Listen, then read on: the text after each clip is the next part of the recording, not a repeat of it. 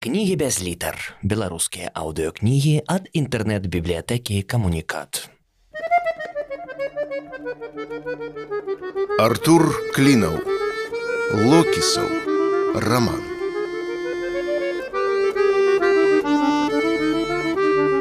Глава 46. Гэтай ноччу надзеі не спалася. Ці то непакоіў яе першы снег, ці то ваўкі, якія вылі зусім блізка. Хаця засынаць пад ваўчыныя псалмы яна ўжо прывыкла.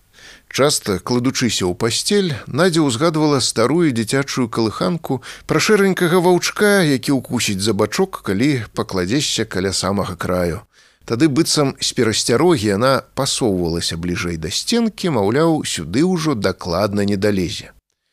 Сёння з краю ляжаў ён, прыкрываючы сваёй магутнай спінай, аднак гэта не прыносіла ёй спакою. Наадварот, Надзя адчувала, што ён і ёсць прычына бяссоння. Замест калыханкі ў галаву настойліва лезла дзіцячая лічылка пра машыну, якая ехала цёмным лесам за каким-то інтарэсам, Інці інці інцірэс выхадзі на букву С.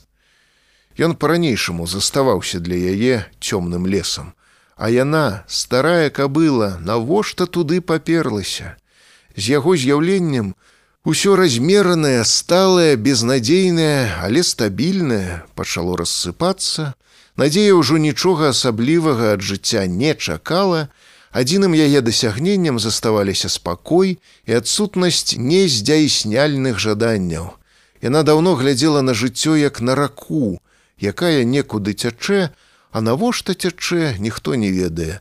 Часам па гэтай рацэ праплываў труп твайго ворага, звычайна проста бервяно, іншым разам рака выкідвала на бераг рэдкі экзатычны далікатэс накшталт локісава, які не з'есці, не адпусціць, не загадаць трох жаданняў.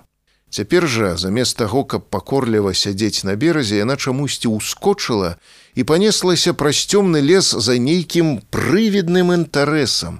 Яна сама сябе не пазнавала, быццам дэман усяліўся. Галоўнае, розумам усведамляла, што няма ў гэтым лесе для яе нічога цікавага. Жыць без мужика яна ўжо даўно прывыкла. Калі б яна мела патрэбу ў сям'і патрыархальнага тыпу, дзе ўсё вырашае мужчына, а жонка за ім, як за шырокай спінай каля сценкі, іншая рэч, аднак надзе ведала, што такія мужикі ўжо даўно перавяліся. Мужик у наш час, яшчэ адно дзіця на шыю, толькі нашмат больш капрызнае і эгоістычнае. Мала таго, яго не пакараеш і ў кут не паставіш, пакрыўдзіцца люта. Ён жа ў доме генерал, Ён загадвае, а ты на пабягушках.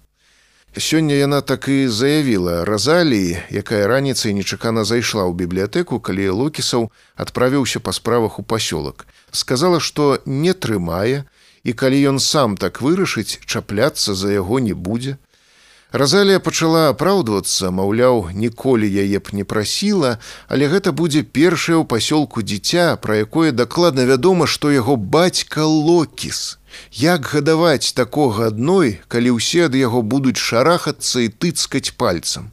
Мала таго, што паліна і так шалапутная, уся круга за спінай смяецца.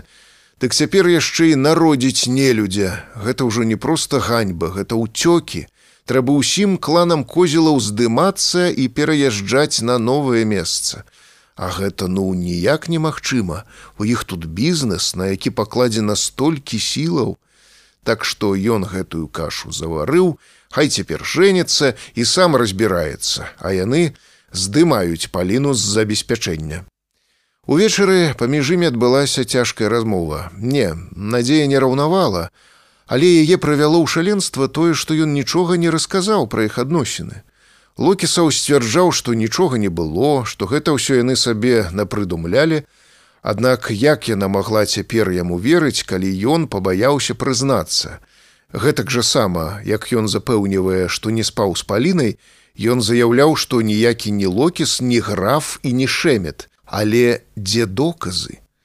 Вось ляжыць цяпер побач, а насамрэч, можа, ён і ёсць той шэранькі ваўчок.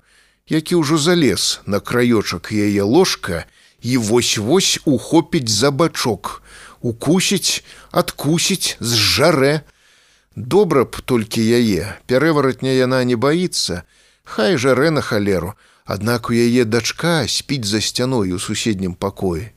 А калі ён усё ж не локіс, яшчэ горай, Божа, беднае дзіця, Што чакае яго ў гэтым пасёлку? Ён жа будзе ізгоем з самага першага дня ад нараджэння. У садку з ім не будуць гуляць дзеці. У школе ён будзе сядзець адзін за партай, а на перапынках старшакласнікі стануць кпіць і пляваць у яго з трубачак гарохам. Ён нават не зможа па-сапраўднаму адказаць, узяць ды каго-небудзь з жэрці. Апроч таго ён будзе расці без бацькі, хоць і слабая, але ўсё ж абароны, а вырасці нелюдзімым, раззлаваным на ўвесь свет чалавекам, сапраўдным нелюдзям, які, магчыма, у прыступе гневу сапраўды прыб'е якога-небудзь брыгадзіра. Ад такіх думак надзея хацелася зараз жа павярнуцца, груба спіхнуць нагамі ваўчка з ложка і без шкадавання выперці яго начаваць назад у гасцініцу да разалі і яго маладой нявесты, якую ён чамусьці пяшчотна называе Эма. Выперці яго да гэтай чокнутай эмы, будучай маці яго дзіцяці і забыцца, забыцца пра яго назаўжды. Адзінае, што цяпер стрымлівала надзю, яна не хацела ладзіць начны скандал пры дачце. Таксама былі людзі, якіх яна з дуру ўцягнула ў рух і цяпер адчувала за іх адказнасць. Хаця б ёй ведаць напэўна, што ён не локіс, але яна ўжо ні ў чым не ўпэўнена. Хто вы на праўду, грамадзянин локісаў, думала Надзя, круцячыся ў бяссонні граф не граф звер не звер адзінае што супакойвала жаночая інтуіцыя подказвала што ён усё ж такі не пярэварацень у ложку ён зусім не здаваўся зверам неўтаймаваным і дзікім. Хутчэй графам распешчаным далікатным і трохі лянівым